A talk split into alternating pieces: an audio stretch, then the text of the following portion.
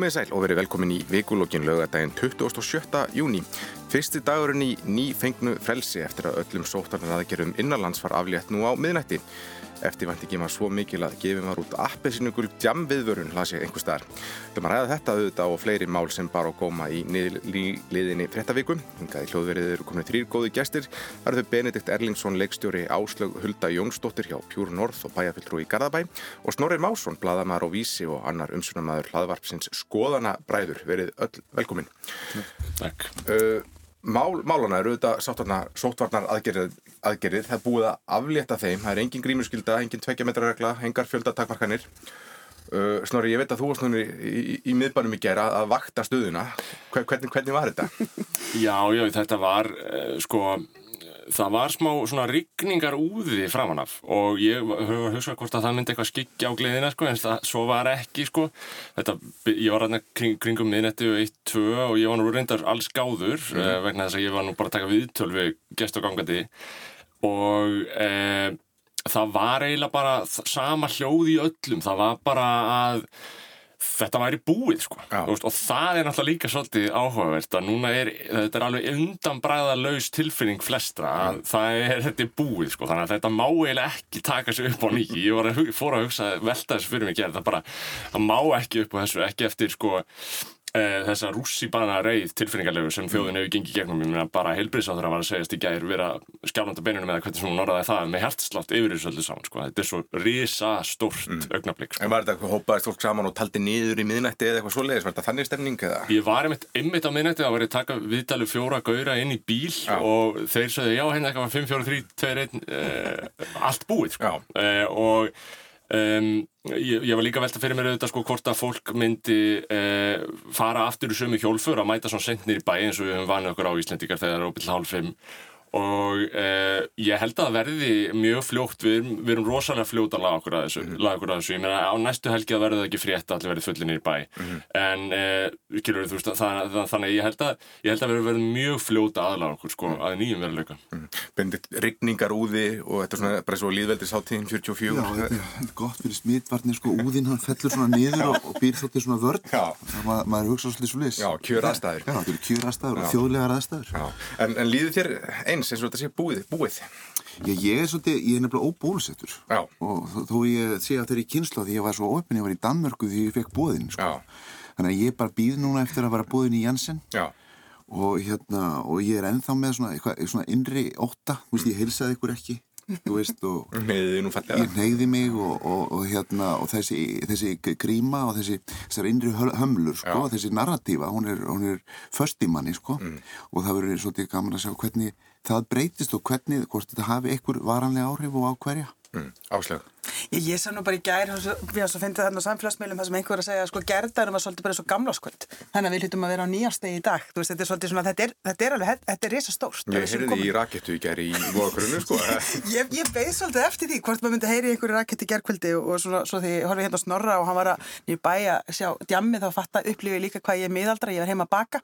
En hérna ég held að þetta sé bara frábæra frétti fyrir okkur sem þjóð og hefur náttúrulega bara áhrif líka á, á svo margt, ekki mm. bara geðhelsu okkar sem einstaklinga heldur bara aturlífið og efnahagslífið og, og hérna nú fyrir ferðarþjónustana að vakna betur til lífsins og, og hérna gott veður og ég held að þetta sé bara dagur. Mm. Það má kannski segja þetta síðan og segja síndveiðin ekki gefin en, en hvernig finnst ykkur þetta að hafa tiltekist hérna? Hefur, hefur stjórnaldum tekist vel til?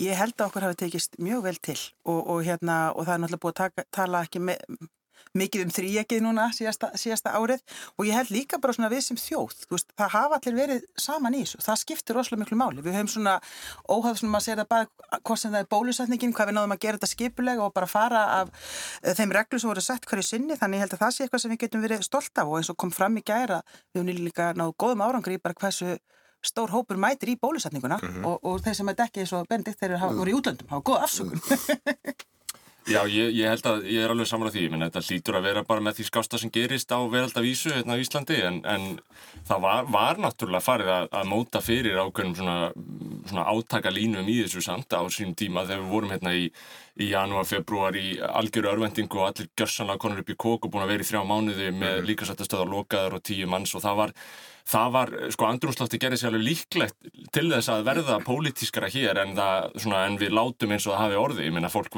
var virkilega að fara að nota þetta sem svona Evrópusambandsmál og alþjóðasamstarfsmál. Ég minna, þar var bóluöfni tekið fram og talaði með henn hengt okkur hérna í Evrópusamband og það hefði verið meiri hátta mistök. Mm -hmm. Mér svona eh, blasa við núna held ég að við bara hefðum örgulega verið engu bættari að einhvern veginn fara aðra leiðir.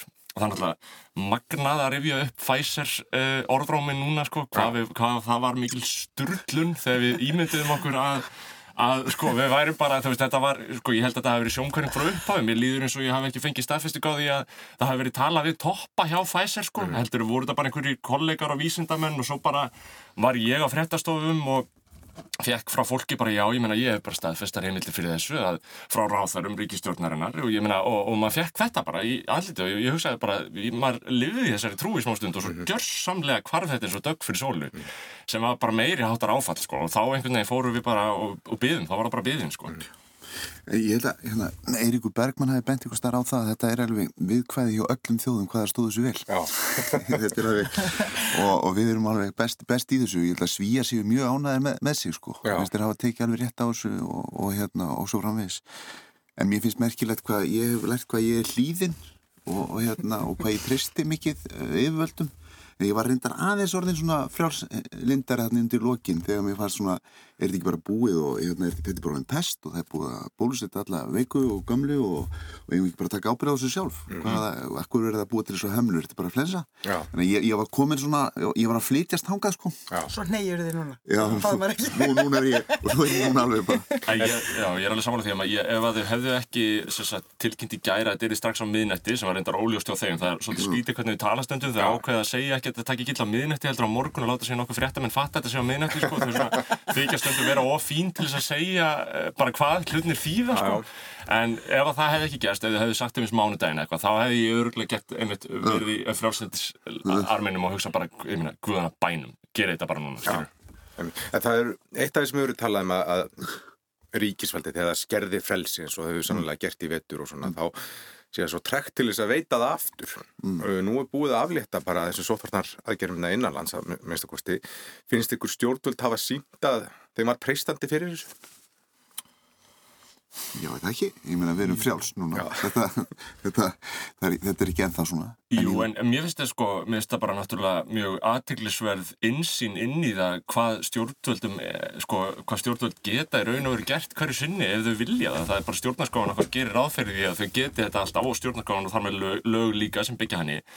Þannig að sko þegar maður hugsaður út í að ganga lengra til mm. dæmis í frjálsæðisátt af því að fólk sem sko kennir sig við frjálslindi og, og frelsi í engalífi ég meina af hverju er ekki umræða til dæmis um það hvort að skemmtistæðir með veru opnir algjörlega takmarka laust eins og bara það er við í Európa mm. af hverju er þetta opið bara til hálf fimm mm. Umræða með þess að bara í hináttina hún var bara herðu þurfu við eitthvað að hafa opið svona lengi Já og það er náttúrulega líka að, að sko sko tilfinningin í brjósti fólks sem segir að, þú veist, að það, það var einmitt sko, ég má, má ekki bara má ekki bara vera svona, og byrja þrjú kannski, þurfu ekki að fara aftur í hálf fimm. Mm -hmm. og þegar við tölum um, sko, þegar maður leggur til að, að hafa bara opið skilur upp bara eins lengi og fólk vill og svo bara ber fólk sjálft ábærið að það fara að hindi sín. Ég meina við treystum fólki fyrir ímsu, við getum alveg treystum mögulega fyrir því, en þegar maður leggur þetta til þá segir fólk, jú, ég meina en, en ofbeldi er mest eftir fimmhónættunar og svona. Það eru rauk, það eru svona yfirborsrauk en ég held að tilfinningi sem bærist í brjósti þess að segja þetta, sé yfirleitt bara þetta er ekki gott fyrir þig, þú átt ekki að vera skilur, ég held að þú segir ofbeldi ef það er og þú getur tínt til alls konar rauk fyrir því að hafa ekki opið lengur en til hálf fimm. En ég held að forræðishyggjan sé það sem ráði för, sko, tilfengi sem ráði för, sko, bara að banna venlu fólki að skemta sér, sko. En þetta er það sem við dettum í, við sjáum bara umræðin um rafsköllurnar, djamsköllurnar, þú veist, nú er það bara miðaldra fólki mjög mikið að brjóta sér nefið eða puttan eða eitthvað, þú veist, um helgar, mm. út af dallu, þú veist að þá bara fara að banna það, í staðan fyrir að segja, heyrðu, hugsaum aðeins bara um þetta er eitthvað sem þú þarf að passa að vera með vitundavakningu en svona stjórnvöldur svona varandi COVID og svona þá held ég að sé þeim til hrós að þeir svona allavega svona meil þráðurinn var að treysta sérfræðingun og það finnst mér virðingavert mm. og, og ég held að það hefði verið gott. Mm, sérfræðingarnir eru nú oft íhaldsamir eins og lauruglann mm. og læknar og já, svona, herru það er ju ekki bara taknaka. Við erum alltaf með umferðarreglur, það er já. alltaf stórkostlega skerðing af mínu personlega fressi. -hmm. Ég fá ekki að kera eins og ég vil og ég hef, hef alveg sagt mig við það síðan ég fekk prófið. Já, en, En mér finnst þetta samt þeirra stóri lærdomur í varðandi þetta hérna. Það er vísinda hyggjan sem búið að sko predika yfir okkur. Þú veist, í lofslagsmálunum erum við með narratífuna sko við erum öll einn saman á nettinum og það sem við gerum hér það hefur áhrif á alla. Og svo kemur þessi lilla veira og þessari lillu leðublöku þarna í Kína. Og, og það er endur tekinn svona lítil veira í Kína, hún hefur áhrif á okkur öll. Og svo í framhaldinu kemur þessi narratífa sem er endur tekinn ægu aftur æg af okkar fólki. Ég veit ekki neitt vísindamenn sem segja við vitum ekki neitt en það bendir margt til. Mm -hmm. eða við getum ekki fullirta en þetta virðist vera. Við þurfum að rannsaka, við þurfum að býða þessi narratífa sem er sko vísinda hyggjan alveg í, í sínum fallegasta kristall hún er bara svo skýr og það er búið að taka okkur í svona kennstustund í því. Og mér finnst þetta spennandi að fylgjast með því núna þegar vísindamennindir stíga úr kastljósinu og stjórnmálumennindir sem eru ekki þarna, þeir eru sögumenn þeir segja hvernig lundir eru hvernig þeir voru og hvernig þeir eru og tristiði mér og ég skal segja okkur hvert við erum að fara. Þannig að ég, ég held að þetta verði mjög gaman að fylgjast með með orðræðunni og þessari hugmynd. Hvað þú getur fullirt og hversu mikil sögumæður þú getur verið. Mm. Já, ég held líka að maður geti alveg séða á breytingunni á Þórulegu Guðnarsinni í sótallækni að sko þú getur tekið held í viðtöluðan sem eru kannski eins og alls á skumul eða tekja ára gumul og þú merkir alveg breytingu á því hvernig hann er að vita skuld, sko maðurinn hefur verið í tveimur, þreimur fjölmjöluveilturum á hverjum einasta degi í tvö ár. Og hann er meiri sögumæður Já, sko, nei, hann er bara orðin svo afslappað Já, ég, mjög, ég tala, tala mjög mikið í Þórl og, og jafnveg þó sett með myndavel á hann núna, þá bara, sko, lætur bara, ligguði fjúki kviðlingum bara yfir einhverju minsta tilhefni, þú veist, hann bara, bara djókar og er bara mm. alveg róluður, en þess að hann einhvern veginn örglega er bara komið þá tilfinningu að, þú veist, hann getur bara sagt hvað sem er, mm. þú veist, og hann er aldrei settur af. En koma samt ekki rosalega tilbúin inn í þetta? Ég upphafi líka, eða svona, þú veist, kannski ekki eins og núna, eins og núna en mann fann strax, svona, hann var bara talaði bara um hlutinu sem þið voru og Jú, algjörlega, og, og hefur alltaf verið svona hann har alltaf sagt bara ég bara hreinlega veit það ekki og, og svona ég bara á eftir að sko þá hefur alltaf viðkjönt svona vannmátsin í, í, í þeim skilningi sko. En, en ég, ég, ég merki samt eins og segi einhverju breyting á hann en, en hann kom mjög undirbúin auðvitað og hann var alltaf ég, hann var alltaf við tölum bara um klamiti og E. coli og síðan bara Ég hlakka til að komi stjórnmánumæður sem segir já ég veit það ég verðum bara að skoða þetta ég veit það ekki En þú veist að þú varst að tala um hvernig vísindamenn hvernig virka þá fór ég líka að hugsa um bara hvernig vísindamennin hafa talaði kringum eldgósið. Já, það, það var nákvæmlega saman. Já, uh, þetta geti verið yfir helgina eða næstu fimm ár. Já, við vitum það ekki. Þú veist þannig að þetta er svo sama, þú veist. Það er rétt afslut, þetta var endur tekið í eldgósið. Vísindamenn alltaf segja við vitum það ekki og fréttamenn alltaf búið sögu. Heldur þú að þetta gerist? Gerðu, segðu, gerðu það, gefðu okkur eitthvað klikk, eitthvað klikkbeitu. Endanum sitjum við bara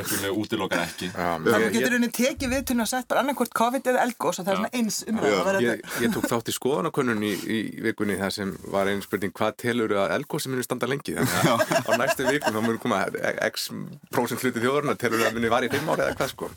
Eh, en, en einmitt svona til frambúðar haldið eitthvað hafi breyst til frambúðar eins og uh, umhverfismálinn sem komur steglegt á dagskrá meðan COVID uh, eh, leik okkur hvað hva vest að nú eru þau komin aðeins aftur, það var skýsta sem kom frá saminuð þjóðunum og leiki í fjölmila sem sagði bara, það sem vísinda mennir um að segja, herru við um 30 ára, bara, eftir 30 ára þá bara blasir við tegundadauði og fólksflutningar mm. og hörmungar mm.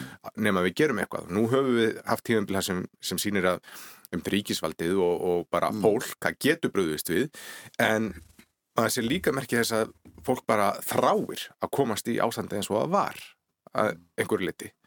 Uh, ég haldi þetta hafi breytingu til frambúðar eða eru við bara að fara að taka upp tráðin þar sem fráarhórið?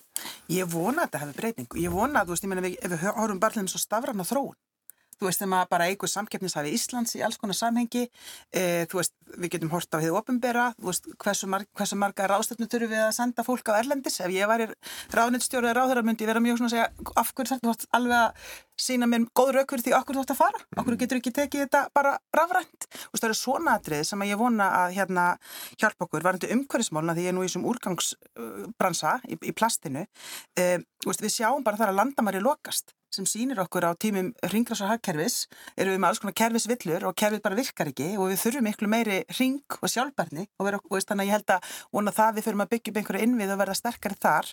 En svo sjáum við líka svona dekkri hliðar á þessu. Ég menna heimlisofbeldi hefur, hefur það aukist eða er það bara meira ábyrrandi núna? Þú veist það eru svona þættir líka þannig að ég held að ég vona við svona notum þetta til að hérna, verða betri. Já, ég held að þetta hafi verið sko, það eru þessar tvær sugur annars vegar að, að lofslagsmálun sé eitthvað sem mark markaðurinn muni leysa sér sjálfur eða leysa sjálfur og svo segja vísindir nei, það gerist of hægt og, og það þarf aðkomu ríkisvalsins og, og hérna og þá hafum við farið um marga og okkur hefur fundist þetta alveg óhugnæli hugsun sko að það er bara eitt að setja reglur. En, en, en það er bara hlutverk ríkisvaldið nummer 1, 2 og 3 ef það er aðstæðandi ógn þá á ríkisvaldið að breðast við. Mm. og ef það gerir það ekki þá hefur það enga, ekkert, e, e, raunin engan tilgang og nú er búið að kenna okkur þetta að, að ríkisvaldi getur stíðin og það þarf að banna hluti, það þarf að gera allir allan neyslu vanda okkar að framleiðanda vanda, ekki sagt, hérna neyslu vanda okkar. Þetta er vanda framleiðandast framleiðandi bara mega ekki nefn bjóð okkur annað en, en það sem er holdt fyrir okkur í, í, í hérna stóra saminginu mm. Og, og, hérna, og þetta er náttúrulega erfitt fyrir okkur frjálslinda, frjálsíkjumenn eins og mig að sæta sig við það að þetta tæki fólksins fyrir fólki það þarf að beita því mm. og það þarf að setja rosa reglur og það þarf að verða óþegarlegar og, og við þarfum að breyta lífstil okkar en ég meina þetta er bara eins og við, þeir eru að tala um þessari skýslu, við erum að tala um sko, þeir tala um þetta lífmassa, þeir tala um bara lífmassa þeir segja, ég meina, metafórun er svo ótrúleg sko, mm. ef, ef við missum þetta upp í fjórar þá þýðir það 11, það er bara, bara við erum að tala um 97% lífmassans, mm. eitthvað Ég, ég held að loslasmálinn í auðvitað sko tölvöld meiri sensallana núna að komast aðeins upp á yfirborðið um, þegar þetta fár er allt saman búið í, sambandi við farsóttinu sko. Það, það hefur bara, það hefur engin rætt þetta í eitt og halvt ár sko, svo mhm. nokkru nemi bara ekki neitt sko. Uh, en ég held að það sé eftir sem áður alveg erfitt að samfara vennulega borgara og okkur um að þetta skipti máli, þú veist að það það er enginn, það ber enginn þessa samfæringu í líkamannum á sér, þetta er svona fræðileg og rosalega flókin pæling eh, Það er þess að þurfum bara ríkið þess að tukt ykkur og ég held að það þurfum bara einhver, einhver, einhver, einhver svona einhver föðurlega fígúru bara til þess að græja dæmið. Já en svo þurfum við líka bara að hugsa um þetta því ég held að líka, það vantir bara inn í þetta svolítið fjárhastlega kvata Þú veist, ef við tölum bara, tölum bara um okkur sem einstaklinga, okkur ef við bendum búin hlið við hlið og ég er algjör sóði og við erum alltaf með tróðfullar öslutunnur fyrir aldrei á grendagám, flokk ekki neitt, okkur borgar ég sama sorpurugjald og bendit sem flokkar alltaf eða allar með neitt sorp sem skiptir máli.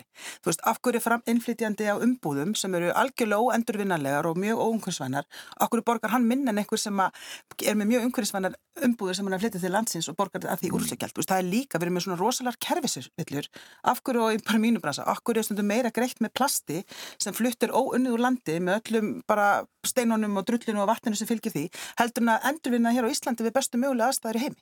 Veist, við erum ennþá að þau verum alltaf að tala um svona en þú veist það eru öll þessi atrið við einhvern veginn svona og við erum ofta að leita bara svona roslum grænþvotti og meðan við tölum bara roslum jú skórætti mikilvæg og við bara kólinsjöfnum þetta, keirum áfram að truknum okkar og breytum einhver sko, en við bara rætt, við þurfum aðeins að taka þetta miklu lengra. En sko þetta er snýstilega og miklu meira starri aðgerri og stundum erum við alltaf að rífast um einhverju svona eins og flokkar uslið með að við erum að tala um sko bara rafvæð allar hafnirnar við erum að tala um sko á heimsvísu þurfum við að planta skó og starfi Ástralíu og uh -huh. þetta svæðir til uh -huh.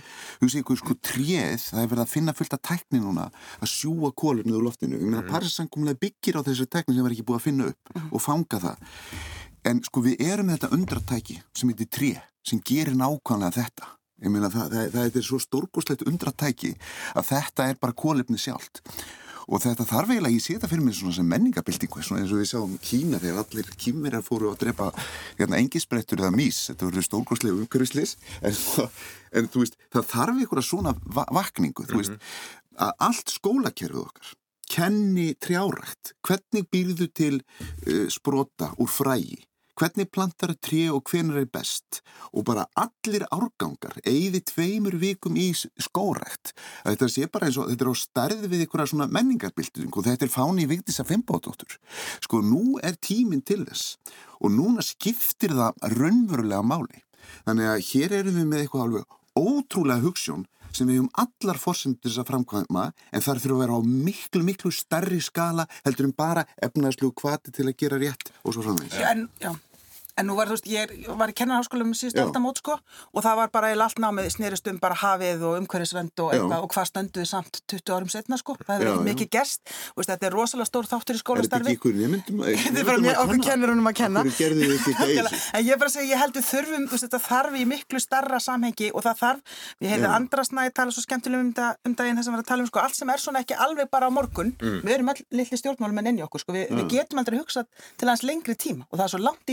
er það er sé mjög stutt í þetta bara að við þurfum að það þarf svona litlu Það þarf, já, það þarf alls konar, það þarf alltaf að spila saman.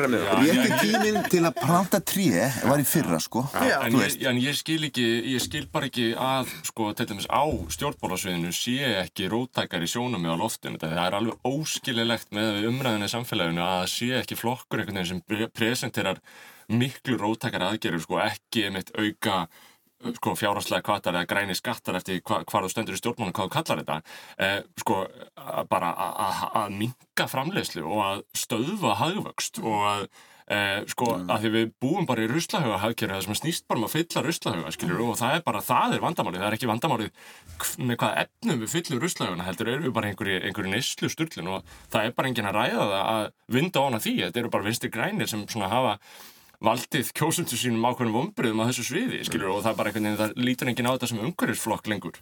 Þú veist, þetta, þetta er bara orðin einhver svona miðjuflokkur, þannig að hvar standa, standa umhverfisinnar í stjórnmálum, hvert, hvert er það að leita, það er bara, það er bara hardla óljóst, sko. Mm -hmm. Þú veist, samfélgenging, græn atvinnubilding, uh, finnst fólki það samfærandi, ég veit ekki, þetta hefur allt svona yfirbræð einhverja bara, einhverja, einhverja spindoktora sem eru bara að semja falli orð, en þú veist, það á bara að vera eins og Benedikt hefur nú talað um í við mig með þess að það á bara að vera einhvern sem segir bara gerum minna og lifum minna og mm. bara, þú veist, uh, hættum, hættum þessum lífstíl. Það búið til svona smartari kapitalista, kapitalisma, svona grætni hafugst ja. og skilgreinan. Þegar ég fjárfest í hérna, sparifið mínu, þá hafi, hafi ég val, sko, það sé vistvæn fjárfesting sem er reyndar að byrja núna, að það sé ykkur stuðull, mm -hmm. en, en, en auðvitað er þetta náttúrulega, okkur er að fjölga ja. og við þurfum að stækka eitthvað inn. Þannig að er, þetta er svo mikil struktúrbreyting og þetta er náttúrulega bara á, á nippunum að þetta muni takast mm. og er þetta mögulegt. Mér langar að fara í aðra en skildasalma, það er bankasala. Ríkið er að mm. selja 35% hlut í, í Íslandsbanka eða búið að því og það má svo sem segja að það hefði gengið vel, það hefur verið reyndist höluverð eftirspurni eftir hlutabrjöfum í bankanum en það hefur verið deilt um verðið hvort að það hefur verið oflátt sem skýrir þessa miklu eftirspurn og dæmi með erlendarsjóðin sem keftur hluti og seldu nokkrum dögum síðar með nokkrum hagnaði Hafið þið, já, skýra skoðun á þessu? Hvað, var, var þetta réttur eða rangur tími til þess að fara í þessa sölju? Áslög. Ég, ég held að þetta hafi bara réttur tími og á þessum fórsendum eins og það gerði þetta. Veist, það, er, það er heldur ekki rétt af að ríkið eigi tvo banka. Mm. Þannig ég held að þetta verið réttur tími og ég meina hvort sem það er hérna við sjáum frá Íslandsbanka, líka áttöld eftirspurn eftir play, síldavinsla gekk mjög vel. Veist, ég held að það sé bara almennur áhugi á þáttöku slíka sem er bara jákvæð. Það er mm. eitthvað að lifna við í efnahænum hjá okkur. Já, ég skil ekki alveg hvað það er sem er að láta venlegt fólk, fjárfesta fólk á sjóði eftir COVID, það verður ekki farið í skíðaferðina sína og svona, e, þannig að það setjur miljón í Íslandsbanka, miljón í Síldavinsluna, miljón í hitt og þetta, e, en í, ég, aðna, sem leikmaður þá er fullkonlega auðlust að hann er undirverðlega bankin, ég meina þú farið ekki svona eftirspurn eftir einhverju sem er á réttu verði, þetta er bara mjög óverðilegt, ég meina ég veit ekki hvort það saman með því segjum play, þá var hann ekki alveg ekki, ekki alveg mikil markvöldun og eftirbröð þar en ég menna eh, síðan hvort að það skiptir raunverulegu máli hvort að ríki verði þarna fjórum eða fimm miljardum í þessari atrennu ég menna ég skil ekki hvað er tölur skipta máli í ríkisfjármálunum en, mm. en mér það allan að blasa við að þetta séu undirverlegt en, en síðan er alltaf líka stórspörningin um það sko hversu mikið við seljum frá ríkinu meina, og, og hversu mikið við mingum umsvið ríkisvaldsins bara í öllu atvinnulífi það er náttúrulega bara uh, eitthvað sem uh, ríkistjórn þarf að svara fyrir og það er ljóst að þetta er stefna hennar að klára að selja Íslandsbanka á endanum og ef þau halda áfram með þessu kjörtjumbili þá munið þau líklega að selja allan bankan hvort það verður kannski aðeins betri díl, ég veit, veit ekki hvernig það verður. Við erum alltaf ekki mjög góði í þessu, þessu engavega banka, en hérna, við erum vonda sögu, en það var gefin út bæklingur frá heimsbankanum fyrir mörgum árum síðan fyrir hrunn og hann var fyrir Afrikuþjóðir heimsbanki vildi að þeirri engavættu bankana sína. Og það var myndskreittur þessi bæklingur. Af því að þetta var fyrir Afrikuþjóðir þeir þurfti að skilja þetta, þetta var sem, þannig og þeir hérna gerðu svona það voru tvær gildur, tvær, tvær fallgrifjur það voru svona tvær hólur tegnaðar þegar þú engavæði banka. Annars vegar er að selja bankan of mörgum og smáum. Því þá gerist hvað þá, þá gildir hann svo að, að stjórnendunir eignast rauninni bankan það hefur engin vald til þess að reyfa þetta með stjórnendunum og þeir muni geta bankan sjúan innanfrá með háum launum og, og bónusum. E, það var ekki gott. Svo var hinn gildir hann það var að selja og fáum og sterkum aðeins þá myndu þeir veita sér lán og getu bankan þetta var kallað á Íslandi kjölfestu fjárfestis það var sérstaklega að vara við því Já. í hérna, þessum bækningi heimsbankans. Að þetta þurfti að vera jafnvægi. Það, það mætti ekki voru um fáir og heldur ekki voru fáir og sterkir. Ég vona að menn hafi lesið þennan bækning núna og, og, og, og hérna fara eftir hún Rínt í myndirnar Rínt í myndirnar hérna upp á Íslandi. Þetta er líka svona hverstagsleg skemmtilega hverstagsleg sneiðmyndaði hvernig kapitalismi virkar. Þarna var bara hlutu til sölu uh, allir sem vissu eitthvað vissu að væri undirverlaður mm -hmm. kaupir, ég meina ef þú átt 10 miljard þá getur þú keift og fær kannski ekki hlut fyrir miljard en fær hlut fyrir, ég veit ekki, 500 miljónur ég veit ekki hvernig það var skipt mm -hmm. svo bara hækkar hann strax um 20% þú selur strax og þú kemur út í gróða og ég meina hvað gerður þú til þess að vinna þér inn þennan hagnað þú áttu peninga, það var eina sem þú gerðir. Það var eina, og þetta var ekki áhætta svo að nokkru næmi, ég meina þetta var augljóslega ekki áhætta. Það var óverðskuldaður ávinningur Já, þú veist, í þeim skilningi. Já, þetta er eins og, þetta má ekki í samkvæmt Það er einhver myndi segja sem væri á móti kapitalismannum að þetta væri óverðskuldað Kristi var á móti þessu. Þetta er náttúrulega ekki einfalt verkefni að koma þessi ganga, en glemir því ekki að það eru þarna stóri lífriðsjóður þarna inni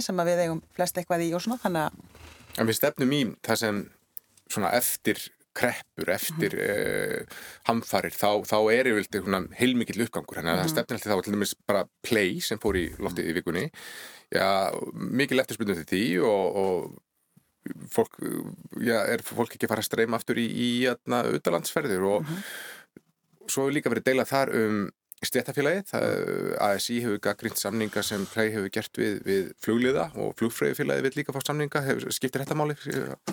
Finnst ykkur svo gaggrinni hafa verið magleg? Já, ég held að þetta reyni á verkefliðsreyninguna núna. Nú þarf verkefliðsreyningin að skipulegja lögleg skemdarverk mm.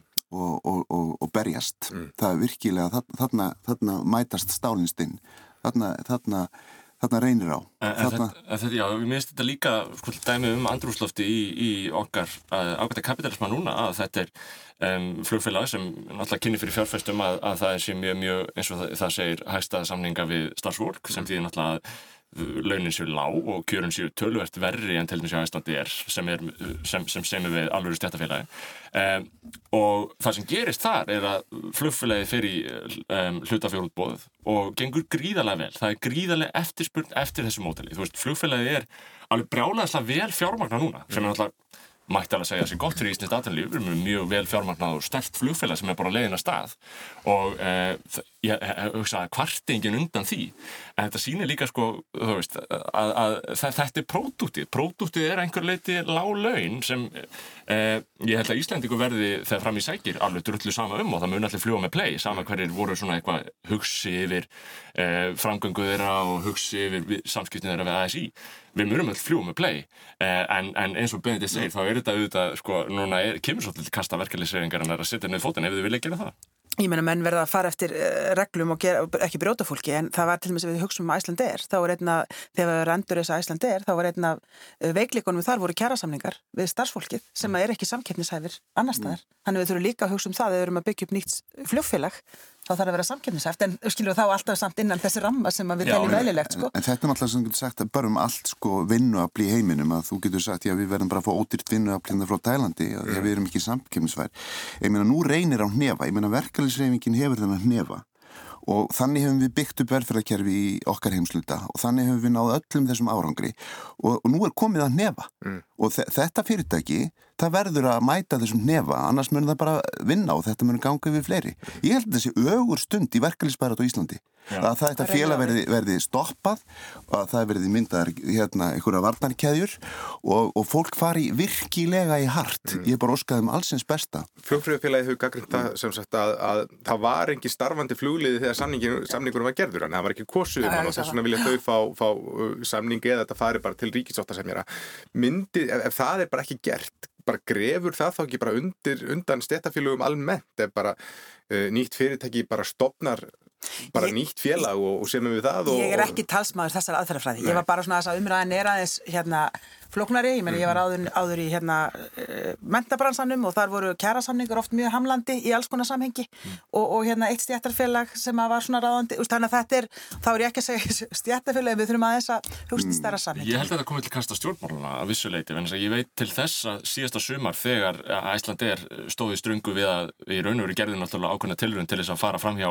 þess, gera það í raun og veru að sama, að fara til annars stjættarfélags og fá miklu Uh, já, eins og við segjum hagstæðari samninga fyrir félagið sem því náttúrulega verið laun uh, þá um, veit ég til þess að stjórnmálun beittur sér og þar í raun og veru kom, uh, komu ráðhverja ríkistjórnarinn að borðinu og sögðu hérna við ríkistjórnarsamir og aðila nú gjör þau svo vel og setjast niður og semjið mm. þannig að, en það, þar var vissulega í húfi ákveðin lánalína til að Íslandi er sem, mm. þannig að það, það var miklu meiri miklu meiri þrýsti mátur en ég meina, ég veit ekki, ef, ef, ef, ef Katrin Jakobsdóttir myndi bara fara fram og segja play vil ég gera svo vel og uh, semja við uh, eh, stjættafélag sem við viðkjörnum, ekki gull stjættafélag uh, að hvort þau myndu þurfa að taka við sér ég veit ekki. En svo segja þá kannski á móti, má kannski segja eru ef við borgum svona lág laun, þá vil ekki vinna einna en, en bara dæminn sína að fólk bara streymir einna og vil, vil, vil starfa hér mm -hmm. Já. Já, akkurat, það vil ég alltaf finna í að play. Þau munum finna starfsfólk, þau munum finna íslensk starfsfólk. Það verður stemning í partíunum. Þetta er, þú veist, vandamál eins og Benedikt segir, svo, ef maður Eh, ef þetta verkefliðsfröðingi tekur ekki við sér þá verður þetta náttúrulega bara eitthvað svona eitthvað sneið sem þau missa úr Ég get líka að tala í hinn áttina. Kannski er þetta bara að tala að endur skoða virði flugfræðu starfsins, mm -hmm. þetta er kannski ekkit svona merkjöld starf, sko, þú veist þetta er bara rúta, í þryggjartíma rúta. Og þurfum við ykkur að svona hæfa og flotta þjóna í þessari þryggjartíma rútu er verið að bjóða upp á svona miklað og hæfa og, og dýra þjónust í öðrum rútuferðum. Ég vil metta hjókurnarsræðingur. Já, sko þannig að við náttúrulega, þegar flug var svo merkilegt og svo flott og, og svo, þú veist, mikilvægt, mm. þá var þetta kannski virðið herra. Nú er virðið þessar starfs kannski bara hrunið já, ég... og meðan verður þá bara taka þá umræði. Ég held um þetta að fólk þurfa að gera, gera þetta uppvísi á hennu. Þetta er ljótt að segja, þetta er bara ég sem get sagt þetta. Ég líka að segja líka.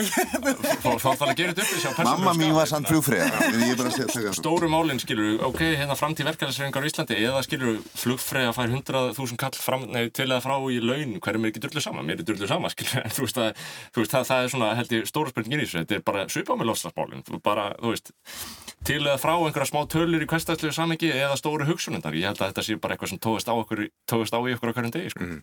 Þið voru að komað viðtækjanum, þá voru það að hlusta á veikulokkin, gesti mínir eru Áslög Hulda Jónsdóttir, Benedikt Erlingsson og Snorri Másson ásmundarsalsmálið eða salarmálið var leitt til líkta í vikunni. Laurugla hefði verið að rannsaka meint sóttvartabrót á, á salnum á sölu síningu á Þorláksmessu þar sem Bjarni Benediktsson hefði meðal annars verið meðalgesta Niðurstöðum var svo að eigendur staðar, staðar eins voru sektar fyrir brot á grímunskildu en reglur um fjöldatakmarkanir töldust ekki hafa verið brotnar og þá var ekki aðtekla umæli sem lauruglumenn á vettvangi litu falla og heyrast á upptökum búkmyndavila.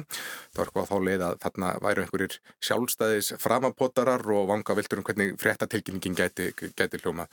Snorrið sem bladamæður hafði nú verið gaman að skrifa þessa frétt. Já, þetta var sko, ég hafði nú heilt slúðrað um þessi ummæli úr búkmyndavelunum áður en þetta kom fram mm. eh, og eh, þetta er auðvitað óneitanlega sko, indislega óhefilegt fyrir eh, umræta lörglumenn að, að að ummalið er að fara svona fyrir alþjóða því þetta er náttúrulega líka í grunninn spjall í vinnunni sko. mm við þekkjum öll að við spjöllum við fólki í vinnunni sko. þau eru bara eitthvað að velta vöngum með þessu en þetta verður auðvitað vopni höndum þeirra sem vilja verja ráþæransinn sem er náttúrulega líka lett að þetta er að sínu leiti ámælisvert að lauruglan sé að velta fyrir sér flokkadráttum á, á vettvangi. Ég meina, eh, við viljum auðvitað að lauruglan sé bara einhvers konar þjónustu eining sem bara er alveg sama hvaðan við komum.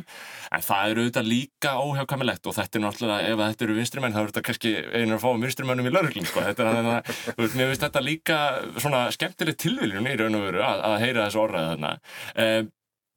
Eh, Eh, hvað þetta þýðir sig fyrir Bjarnar Benediktsson, sko, máli sjálft. Hann sleppur fullkomlega frá þessu. Hann var aldrei rannsakar á lauruglunni hann einhvern veginn bara er, virðist ekki vera aðilega máli vegna þess að lauruglan í sinni rannsókn og saksónari hafa bara beint sjónum að staðarhaldurum eins og eðlilegt er hugsanlega, ég meina þeir bera ábyrða þessu. Um, þannig að um, en, en eftir stendur að fólk veit alveg að þarna var parti í gangi þegar parti átt ekki að vera í gangi. Ja, parti og svo fyrir við skilgrengar á orðunum. Að fara endalösa pósendingar að maður dyrfislega kalla þetta samkvæmi í fréttaflutningi. Þetta var ekki samkvæmi, þetta var verslunar, fundar, eh, sölu, fundur ég menna, mm.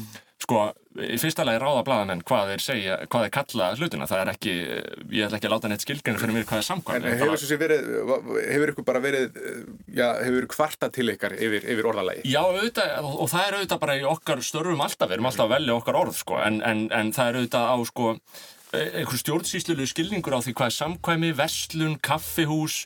Sko þegar ásmundarsalur sendi frá sér yfirlýsingu í desember um það hvernig þetta hefði raun og veru verið, þá fóru þeir í rosalega, tegjur um það sko hérna máttu vera 15, hérna máttu vera 25 hérna, hérna var kaffihús, hérna var verslun, hérna var veitikahús þetta máttu vera óbyrðil 10, þetta máttu vera óbyrðil 11 sko Þetta eru atriði sem ég held að sko, almenningi sé alveg sama um svona formlega sko. Ég held að fólk viti bara hvað gerist það. Ég held að allir sé að missa aðalatrið málsins í þessu máli og það er í dáleðandi máttur myndlistarinnar.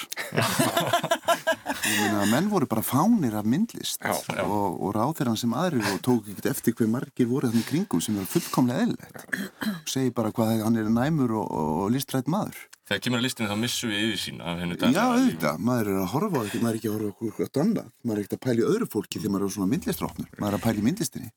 Mér finnst í þessu máli eiginlega alveg ótrúlegt að það tekir rúmt hálft ár að koma með þessa skýslu halvu ári setna eftir all, all þetta fjasko uh, þú veist, niðurstan er að það var ekki óleifu, óleifilegu fjöldi í þessu hérna hvað var þetta, ekki samkvæmi? Nei, ekki enga samkvæmi. Nei. Þú veist, mér finnst það sérstakt, uh, hérna, mér finnst líka áhugavert að, að heyra sko maður sér hérna, hvað var að formaður lögreglu félagsins, eða hvað heitir það sem mm, steg fram í gæri allt í hennu að, að þetta personu vend hérna starfsmanna lögreglumannana, þú veist, það eru þetta líka alvarlegt, við, við, við náttúrulega förum fram á ákvæmna fagmennsku. Og mér finnst alveg alvarlegt að, veist, þetta er alvarlegt að lögreglan gefur svona hérna tilkynningar frá sér með svona skeitum, mist þetta ekki lægi, við, við ætlum bara til meira af lögreglunni Þannig mist það kannski svolítið sérstatt og mist sérstatt að þetta takir svona langan tíma og mist líka að, að þetta sé vörnir leið og kemur ykkur umræða sem ég reyndar ekkert alveg inn í um að það hefði eitthvað verið fyrkt af upptökurnar sem ég veit ekkert hvort að það sé réttið er átt og þá komið því þegar mér hafa nú hérna farin og hérna enga samtöl þessara starfsmann sem eru í vinnunni mm -hmm. og, og því minna þetta eru aðilar með þannig völd á, og þannig ábyrð og verkefni að þeir verða bara að setja sín viðhorf og skoðanir til hliðar. Það þurfa allir að fá suma afgriðslu. Þetta var líka mikil umræði hruninu. Mm -hmm. Það voru hérna aðilar sem þurfti að verja stjórnaráðið og, og ráðherra sem vildu kannski miklu freka verið í hópi mótmálanda. En þetta er bara krafa sem við setjum á einstaklingar sem við treystum fyrir þessu störfum og það finnst mér ekki, mér finnst þetta ekki þeim til svo. Mér, mér langar að verja aftur á mútið laurugluna og ég hef ekki kynntið þess. Það nú verið margt mikilvægur að gera fyrir laurugluna heldur en að klára þessa skýrslu nummer 1, 2 og 3 og í öðru lagi þá er þetta náttúrulega akkurat allsjörreglega að það skal eitt yfir alla ganga mm -hmm. og það var margir ráþeirar og púlitíkur þurft að segja af sér út af minnimálum, ég minnir nú bara á norska ráðherran sem var, þau voru 13 og ekki 12 í amælinunar þannig að þú veist, hér kemur aftur eitthvað svona lítið prinsip sem við erum alltaf einhvern veginn að böglast með sko í íslensku sammingi þú veist, sér að Jón og Jón. Og, og, og, og við erum auðvitað vakandi yfir því Fyrst þér þá að Bjarni átt að segja af sér að því að hann var í sal sko, það sem var ekki brotnar fjöldatakmarkanir? Og jú það er komið með aðtöðsendum að Mér fannst hann alltaf bara viðkjörna hann var fangin af myndlistinni. Og misti sig bara fullkomlega. En, en, og hann var bara algjörlega rángstæður og dálitur af listinni skilur, mm. og hérna en þú veist, en, þú veist ég meina þetta máli er bara svona, e, svona klassíst máli varandi þetta, þetta sem er búið að vera Þetta segir okkur oft bara líka hvernig umræðan verður. Þú veist, hún er ekkert alltaf, það er fyrir við þurfum alltaf að vanda okkur sama hvað við erum sko. Já, já, en, en ég held að Halda líka vanda sig. Já, ég sagði allir. Ég er ekki það Ekki bara lögurglæn En, en ég, veit, sama niðurstaðan er greinlega svo að ráður var ekki brotlegur menn lögurglæn kannaði málið.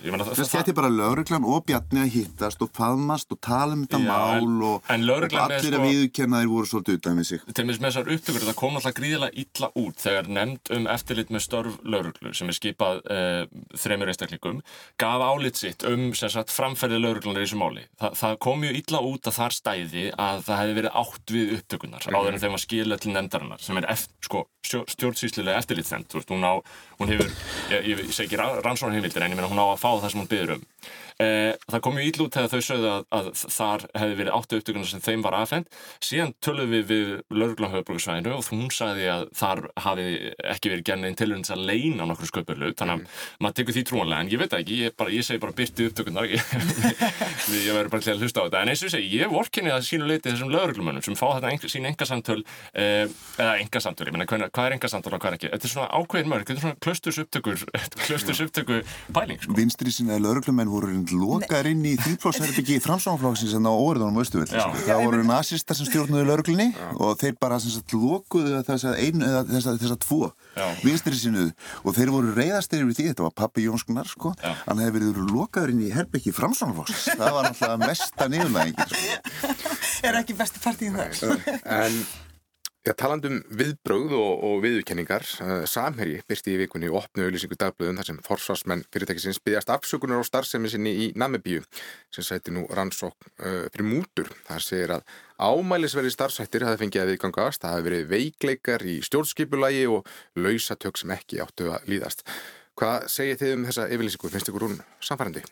Ég, ég, það eru svo einfallar í mig leiðslutna ég las uh, yfirlískuna afsökunarbyrnuna og bara táraðist eins og yfir öllum afsökunarbyrnum ég hugsaði bara já já þetta er bara frábært hjá þeim að Ungur og hrifnum við maður. Já, ég, ég er þannig og, og, og þetta er alltaf sama ferlið maður les afsökunarbyrnuna og hugsa bara já þannig er þetta bara komið. Bara flott hjá þeim að vera umugir og svona. Og svo kemur gaggrinn fram og þá svona varpar eða svona síðan brjálast allir yfir afsökunarbyrnu þá hugsa ég minn gang og hugsa já þetta er kannski gott en um, já, ég held að þetta er, þetta er bara svo afsökunarbyrnu sem þeir hefði að gefa út strax og láta uh, ríkisúttarspið í friði sko, þá hefði losnað við þetta mál strax. Það er öllum alveg sama hérna á Íslandi raun og verum hvað gerðist í Namibíu örgla endanum sko, þannig að PR-lega séð ef ég hefði verið, hef verið PR-ráðgjafi þá hefði ég sagt þeim bara byggist afsökunar og þá gleymir fólk þessu að því að svona Íslandikari afstyr dagsins er, veist, við erum við erum, þarna, þetta er svona einhver neokolonialismi sem við stundum og okkur er í grunninn sama, held ég sko, svona flestum sko mm.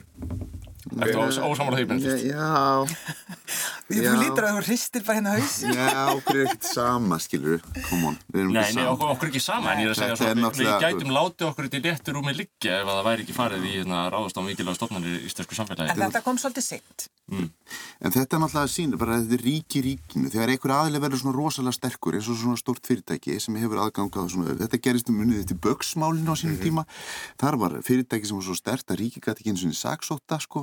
um, þetta er náttúrulega störlungaöld hún fjallar um þetta, þá gefnist það sem rauninni það verða til stórfyrirtæki sem verða sterkar en, en ríkið og, og við erum komin með þetta á, ástand og, og, og nú þarf, þetta er hett og hett, nú þarf ríkið að fara alla leið og það þarf að rannsaka þetta og brjóta allt í merkja því annars er bara ríkið orðið veikara heldur en þetta fyrirtæki. Mm. Ja, það, það gerist alltaf í sömu andra og í vikunum koma líka fréttir að það sé komin einhver gangur í rannsóknuna og það hilli hugsanlega undir einhverja niðurstöðu þar, haldið að það, það haldist eitthvað í hendur það eða? Já. Það er að segja í Namibíu? Já. Já, ég meina Já, þetta er bara svo flókin staða sko, þú veist að vera allir rannsónar í Namibíu og, og, já, og skatta yfir já, og, skatta, og hér á landi, ég, eins og sé, ég bara atna... En þetta er alveg staðfyrst, það er verið að rannsaka á, er það ekki? Jú, jú okay. já, það, það er komið gangur í þá, þá, þá, þá rannsók sko, já Já, sko, af því að ég held að þú þurfur auðvitað að vera, sko, eins og Spendit segir, og ætlar að vera ríki í ríkinu, þá verður að starfi einhverju sátt við þegnarna, skilur þú, þú veist, þannig að þetta hljómaði fyrir mér eins og ákveðin viðletni til þess að bara segja hérna, ok, gjör svo vel, við gerðum mistök og þetta var svolítið svona um, skemmtileg svona ritt tengsl sem bókmyndafræðingur, þá fannst mér gaman að lesa þetta í samvikið við MeToo, sko, þetta var svolítið svona Viðkenna undanbræðalust, sko, að þú hafi gert mistök, svona, að það er alltaf svona afsökunar beðina fræðin eru komin svolítið langt Já. þannig að það er svona skemmtilegt PR eh, eðli frásagnarinnar þar sko Já, en það er umlað það er svo annað og þú ert talað um það að það sé bara eiginlega á síðastlunum vikum búið að ganga af afsökunarbeðinu döðrin á sko, einhvern veginn. En mér veist eitt í þessu það hefur verið að tala um þetta er kallað skærlega deilt sem, sem stopna og, og, og þetta er eitt nýtt í íslensku samfélagi. Þetta var kallað skrimsla deilt einu sinni í sjálfstæðisflokksins. Mm -hmm. ég veit að hérna stóriðjan hefur verið mjög öflug að beita sér í gegnum umhverjusegjungunni á alls konar svona hátt sko. Og, og margar sögursagnir auðvitað, meintar sögur um, um njóstnir og sabotage og hunsun þannig að þetta er eitthvað fyrirbæri sem, sem hefur viðgengist í okkar samfélagi þar sem bara er búið til tím og, og, og hérna og mér hefur fundið sjálf, sjálfum sko umhverfisreifingin ætti að snúast til var, varnar og búa sjálf til skrimsla delt mm -hmm. eða skjærlega delt og, hérna, og kortleggja óvinnin Það er alltaf algjörlega epíst að fá aðganga að samtölum þessar fólks, það er alltaf ekki hefðilegt fyrir þau og stóri leikin verður ekki hagfældu fyrir neitt okkar en, en þú veist, þetta er mjög áhugavert að sjá hvernig fólk vinnur og, og að sjá hversu einbeittur, ég sé ekki brúta við líðan, einbeittur ásetningur um að virkilega koma að höggja fólk, sko, það er bara mjög gaman að sjá, að fá einsýnin í það, sko, sem, sem áhrandi sko. Já, bara rétt svo ég held því til að hafa ég hafi mismalt við það, það er ekki skattaðuvild sem eru rannsakaður heldur, þetta er bara saksóknari.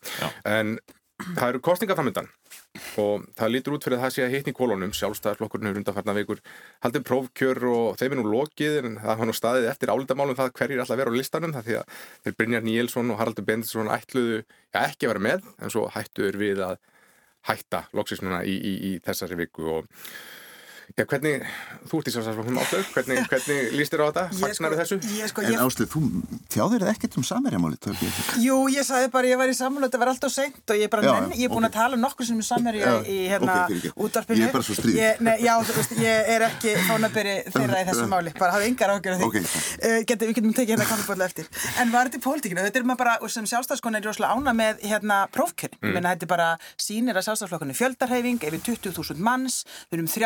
Þetta er maður bara, sem sjálfstafskona er rosalega ána með prófkjörn. Menna, þetta er bara sínir að sjálfstafsflokkurinn fjöldarheyfing, yfir 20.000 manns, við erum þrjár konur og þrjá karla sem leiða, þú veist, þetta er allt jákvæmt en það sem man kannski svona þá maður takið er það að maður finnst svolítið sérstætt þessi karla sem fari fíl. Sem hafa svona einhvern veginn talað um það að konur eru takna framfyrir þá að því það eru konur svo keppa er bara við þá í prófkjörum eða uppstillingu og vinna þá. Og þeir eru fatta, þeir eru kannski að fara að tapa þá bara hóta þeir að þeir bara taki ekki sæti eða lendi ekki fyrsta sæti.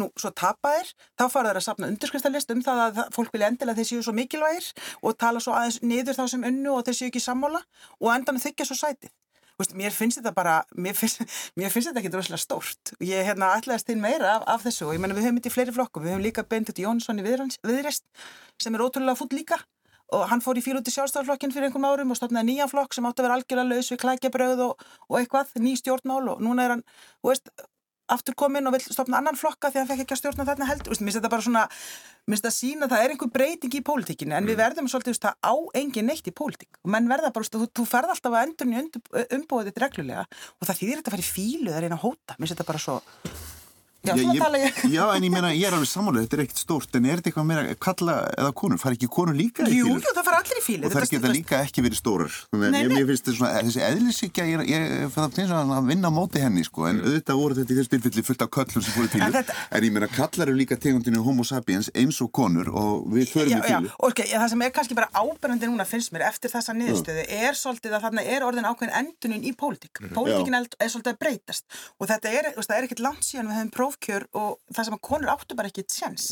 og tala ekki um ungar konur og nú er þetta breytast mm. og auðvitað er hann nákvæm hópur sem að það er að valda Mm. Er, úst, hann er að jafnast út, þú ert ekki bara að keppa við helmingin, heldur alla, allt mengið. Það er kannski það sér að segja. Mm. og ég er engin hérna, ég hata ekki kalla sko. Nei, nei, nei, ég, ég, áttum bara, ég vil bara fólk ég er bara, ég, ég er miðaldra hvítur kallmaður og, og ég upplifði mig alltaf eftir stanslusum árus Sama hvernig maður stundum tólkar eh, sko, ummæli Haraldar í þarna bærens besta sem var náttúrulega skilin sem hótun af flestum að, að, að hann sagði þarna að, að nýr eh, ottviti myndi nú líklega ekki vilja hafa hann gamla í eh, hvað sagði hann, aftursætinu það var ekki gott að hafa og hann segir auðvitað að þetta sé ekki hóttun en þetta er auðvitað óljós svona allan svona eh, ábendingum að hann vilja endilega fá fyrsta sæti ég skil bara ekki hann vil fyrsta sæti hann er ekki fara að vera ráðfra, akkur er hann ekki bara slagur í öðru sæti, hugsa ég persónulega sko. ég, ég skil ekki akkur þú þart umbóðið og hefur ekki metnats að vera ráðfra, hann sagði mér þess að bara í viðtalið við mig að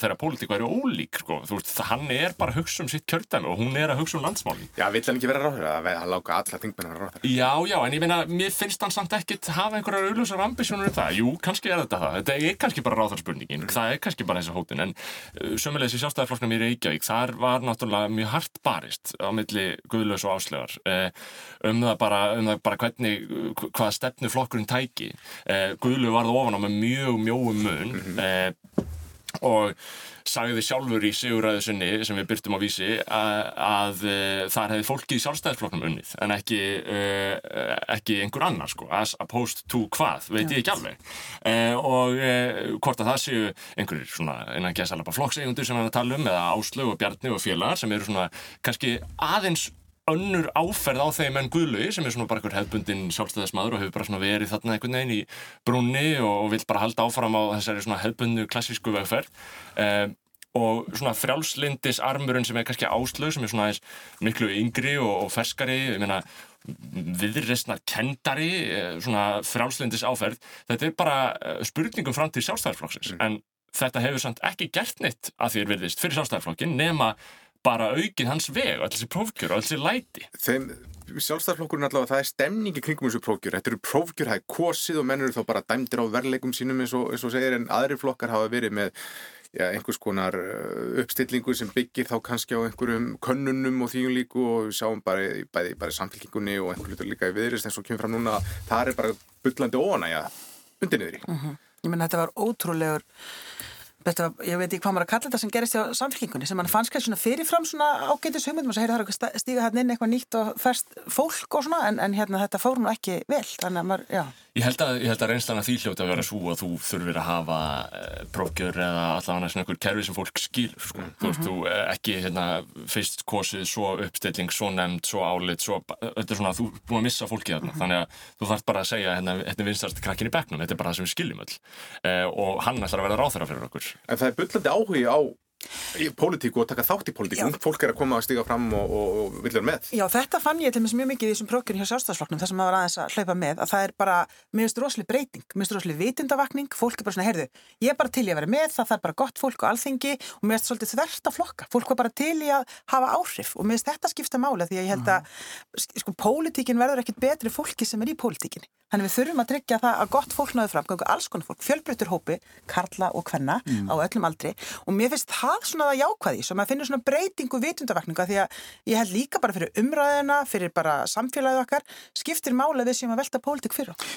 Þið menið að það sé svona mikil áhuga á pólitík og þáttöku pólitík núna hefur aukist. Þa, það finnst mér, ég finn alveg rosalega. Mér finnst það merkilegt því að pólitík er svo óvísindaleg og hún er byggir bara á tilfinningum. Þú veist, fólk er bara, þetta er bara verið að kjósa um tilfinningar. Hver elskar ekki tilfinningar? Hvetja, búa til tilfinningar í kjósundum og það er búið að menta okkur svo mikið í vísindum núna með elgósi og COVID og okkur lærir fólk ekkert. Það, það hefur nú verið bent á það, það hefur nú verið bent á það sko að á, á, á svona undanförnum áratöfum hafi verið eh, já ég segi ekki markvist en það hafi verið svona kultúrtengt spurning að að uh, fæla fólk frá þáttökustjórnmálum mm. og það eru ymsir mm. mekanismar í okkar samfélagi sem fælir, sem fæla fólk frá þáttökustjórnmálum, en fólk getur ekki orðið fyrir þetta með hann á rúf hérna í sagleysi sína hann að þessi dreyði alltaf upp á hattinum við hvert tækifærið hafi verið unglega einhver sjálfstæðisflokks á sínum tíma, þetta er svona eitthvað sem að þetta er svona umræða sem er bara algjörlega viðvarandi sko, mm. og svo sem alveg kannski skiljanlegt að fólk uh, að með stuði að fjölmjölamenn taki þátt í stjórnmálum en það er náttúrulega líka önnur saga sem að geti rætti lengra máli sem er líka svolítið skrítin uh, og mér finnst þetta líka sko umræða um stjórnmála fólk með ekki bara tjási frjálust og mér finnst að fólk hefur bara verið í vinnunni og fara eh, sítiðis á eh, fund í einhverju stjórnmálaflokki og taka þátt í umræðum eins og eðlu borgar en þess að hvað er þetta annað en bara þáttaka í að byggja upp þitt samfélag? Það er alveg eðlilegt að hafa skoðan af því. Það er mm, hardla óeðlilegt að hafa það ekki. Hardla óeðlilegt að hafa ekki skoðan af því hvernig samfélagi þetta er byggt upp. En það er algjörlega normaliserað að segja já, bara, veist, þetta er ekki stjórnmála þetta er ekki pólitíst, ég, við erum ekki pólitísk hér þú veist, mér finnst að það væri mjög til bóta að sko vinda svolítið ofan að þessari sturglun sem hefur verið í gangi og, og ég, ef að þetta er rétt sem segja að það sé mikil þáttaka þá er það gott, en ég efast um það og ég held að þessi ótti sé í okkur öllum mm. það er ótti í ungu fólki við að gefa sér út fyrir að vera pólitísk vegna þess að því er refsað fyrir það sko með mjög lúmskum og uh, svona mm, óáþrjáðanlegum leiðum sko mm. Hvernig þá? Já, bara á vettvangi aðtunlífsins þá er ekki talið eskilett að það hafi verið í stjórnmálastarfi endilega og ég þekki það bara sjálfur fjölmjölum að þetta er gríðalegt tapu og við erum bara búin að vera með umræðið þetta um síðanemt fjölmjöla og síðanemt rúf þar sem að fólki er uh, meinað með reglum, þess að það er múlbundið með formlegum síðareglum, þú veist það sem að það er sagt þið megið ekki tjá ykkur, ég meina rúf, þetta er risastór stopnun af málsmetandi fólki að setja síðareglur að það ekki tjási um einan gæðsalapa sko, umdelt mál þetta er bara svo, þetta er einhver styrlun sko. og það er miklu heiðarlegra að vita þá fyrir þann fjölmjölum að þú ert að tala eða með fréttina í hvað flokkan er eða ef hann er mjög pólitísku Já, ég meina að, að, að því að síðan er það sko fréttinni minna, síðan er það pródútið frétt sem pródút er eitthvað sem við viljum og mm. það er engin, engin eftirspurn eftir því endilega að fá skoðanir einhvers 24 ára sumarstarfsmanns á rúf inn í fréttina, hann á bara ekki að setja það inn en þá verður þá gaggrinn að finna sér stað í frettinni sjálfur frekar en einhverjum óljósum fortíð einstaklingsins. Fólk fer fram og tilbaka með skoðanir sína hverju sinni, sko, þannig að mér finnst að það fyrir að vera ákveðin svona, nú maður talsmaður tjáningafrelsi sín, sko, þú veist að það er bara þannig að það, tjáningafrelsi er líka hverstagslegt fyrirbæri í, í mikrómynd og við þurfum auðvitað að bara standa verðum það að fólk með gera og tjá sig og eitthvað svona sko, við nefnist þetta skipta máli. Þú sagðir á hann áslega og fólk væri svona, svona hlaupa til og vildi vera með mm. og var kannski, hugsaði sér ekkert, ég er kannski ekkert svo, sagt, það, það er svona svona hristi af sér narratífi þessa floks endilega sem það var að fara að taka þátt í prókjöri það sagði bara, nei það er bara málefnið og gott fólk sem skipti máli en ég vil bara taka þátt. En var ekkert einhvern veginn að gangin í eitthvað bjarg uh, þessa nei, flokks nei, eða þessara hugmyndafræði? Það... og mér, mér finnst þetta merkilegt að þetta tengist okkar flokkspolítik það er alltaf að setja litir á fólk mm -hmm. þú veist, þú veist sjálega, ég segi sjálfstæðismæður þá höfum við einhverja einmynd af honum eða samfélkingamæður, framsóknarflokkur. Það er einhverju litir og það er nánast einhver karakter, mm -hmm. það er, það er við og hinnir það, það er búin til svona stimplar. Algjörlega, og sko, þegar ég gekk í minn flokk fyrir 35 árum eða eitthvað skilja liði þá, Hvað varstu bara tíu ára? Ég var bara, þú veist, ég var bara 16 ára og þetta var bara einhvern veginn hjá mér og minni vinkoni einhvern veginn eðlitt framhald að hérna fara bara í framhald af félagsmálum og fara í pólitík og veist, mamma mín er ekki sjálfstafskona sko, þú veist, það er alveg þannig að þetta var bara eitthvað frelsið og þetta bara grungildin einhvern töluði til mín. Þá var þú fórst bara í sjálfstafsflokkinu eða einhvern flokk og þú varst bara þar. Síðan kom svo tímabil það sem fannst bara að segja, ég vil vera algjörlega flokks, óflokksbundin mm. og það sem ég fannst náttúrulega upplifa núna og, og hérna, sérstaklega ungu fólki og konum, eh, það var meira svona, heyrðu, ég bara gengi í marga flokka og tek þátt í alls konar, ég vil bara, mm. mér finnst það svolítið skemmtilegt, það var fólk bara tilbúið, það er ekki rætt við að ja. litast að fá einhvern eitt lit, það var bara tilbúið að taka alla og vera svo, heyrðu, þetta er bara regnbói og hérna, og svo bara endan um hvað ég ákvaða að gera inn í klef. Ég myndi hugsa að þetta ekkert um að gangi í alla flokka og fá alla mína félagi í, í, hérna, í samtökum íslenska listamanna til að gangi í alla flokka og taka aktíft þátt í öllum prófkjörum mm. og vera svona eins og íþróttarhefing Nei, pælti ég að vinna saman já, Ég kýs í prófkjörum hjá alls konar ólíkum flokkum já. og það er bara stuð Ég er að segja ykkur það, ég held að þetta sé eitthvað að fara að verða eitthvað mm. meira þannig að þá þurfa líka flokkarnir að vera ekki á gammaldags þá þurfum við að fara að vera aðeins svona það sé auðvildar að taka þátt og þetta sé rafrænt og þurfum að vera aðeins meira með sko. mm. um, Það stefnir allt í suma já, það stefnir allt í suma, sumafín er bara að byrja en svo má gera ráð fyrir að, kostningabartan hefjist á fullanleika aftur og þá stimpla fleiri síðan eins og sósialistar og fleiri og það verður spennandi að sjá hvernig þetta þróast allt saman í, í haust. Tímin er svona að, að hlaupa frá okkur svona rétt í lokin. Ja. Hvað, hvað á að gera um helgina? Eru, eru þið búin að horfa á köllu og svona? Er það ekki stóru, stóru málun? Ég er búin að lesa ímislegt um köllu í fjármjölum það er bara, það er þarna, búin, að vera, búin að vera mjög litrik umræðan um það en sumafríð, allir maður drullist ekki bara að horfa á köllu, setjast niður og ég bara vandi mig, ég, ég þarf helst bara að setjast niður við skrippbord til þess að fá mig til að horfa á svona uh, íslenska þætti en það bara, við þurfum bara að gera það mm. Já, ég er búin að sjá þrá, þrjá þætti og ég er mjög spenntur og, og mér finnst allir mig að vera stoltir þarna mm. og það er nú, hérna og mér finnst gott hjá Balta að, að sprengja blöðrunum Jón Viðar Já. hann er náttúrulega gammal brandari í leikúsinu og heyrðu þetta miklu meiri svona kollegi okkar þar að segja hann er skemmtikraftur og trúður og sem slíkur þá tökum við alltaf hattinn fyrir ofan, ofan fyrir honum en það er svona stundum pyrrandi þegar fjölmjölamenn tala um eitthvað svona mikilsvirtan og þölröndan gaggrinanda hann er náttúrulega bara kollegi okkar í bransanum. Ég held ég að við skrifaði mitt í frettinum orð Jóns við þessu nákvæmlega þölröndu gaggrinandi Já, já þú ætlar að skamast nýtt fyrir það. það, það en ég meina við getum ekki ráðist á okkur. Ég ætla ekki að senda skrimsladeildin að út af þessu. Ég býst við henni, ég gerir fastlega ráð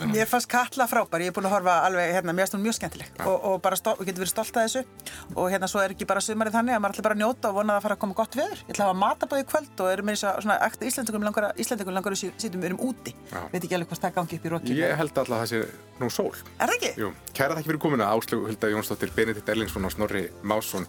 Ég er hér næst í ágúst, hafið það gott í sumar verið sæl.